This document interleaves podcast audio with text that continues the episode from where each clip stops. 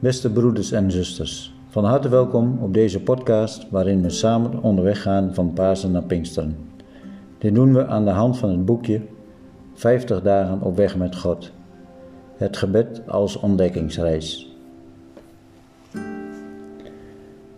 De problemen zijn groot in de dagen van Jeremia. Het volk Juda heeft God verlaten en er is veel onrecht in het land. Indringend klaagt Jeremia zijn nood voor God maar het antwoord is zo mogelijk nog indringender.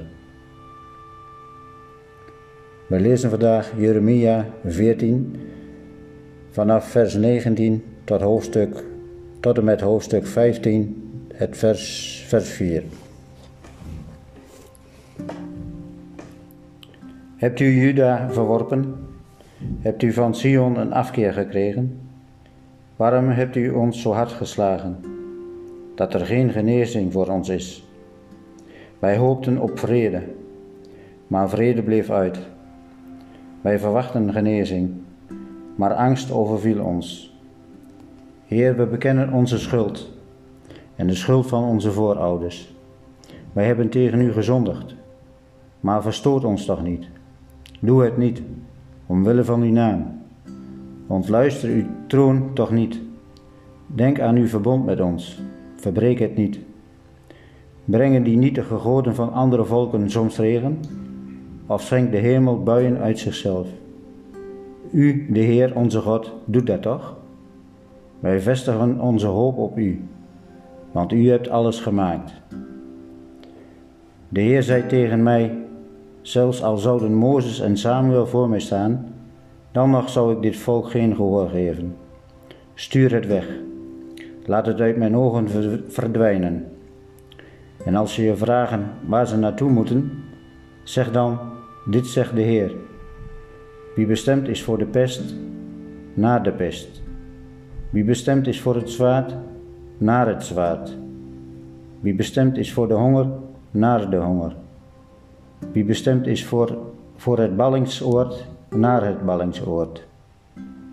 Ik zal vier machten op hen afsturen, spreekt de Heer het zwaard om te doden, honden om weg te sleuren, roofvogels en wilde dieren om te verscheuren en te verslinden. Om wat koning Manasse van Juda, de zoon van Ischia, in Jeruzalem heeft gedaan, maak ik, maak ik hen tot een afschrikwekkend voorbeeld voor alle koninkrijken op aarde.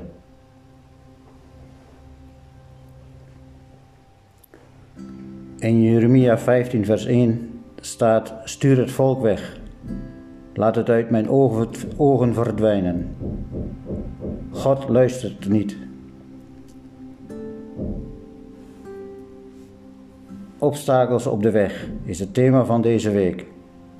Maar wat we vandaag tegenkomen kun je geen obstakel meer noemen. Hier dreigt de weg op te houden.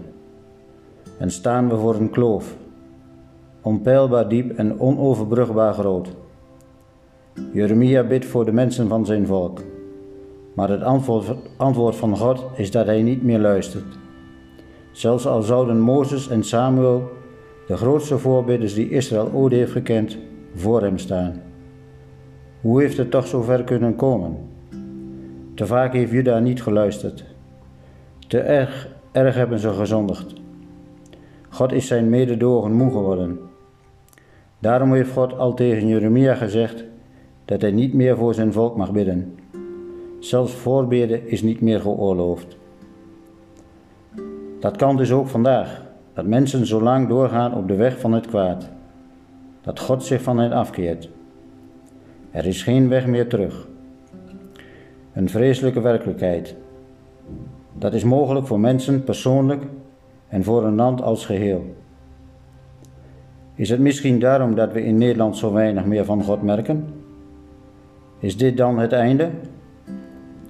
Nee, ondanks dat Jeremia tot drie keer toe wordt verboden om te bidden, gaat hij gewoon door. Bidden om vergeving en een nieuw begin. Zonde en oordeel kunnen en mogen niet het laatste woord hebben. Toen niet en vandaag niet. Zeker niet nu het diepste woord op Golgotha, Golgotha is gesproken. Het is volbracht. Want sterker dan onze liefdeloosheid is toch Gods liefde.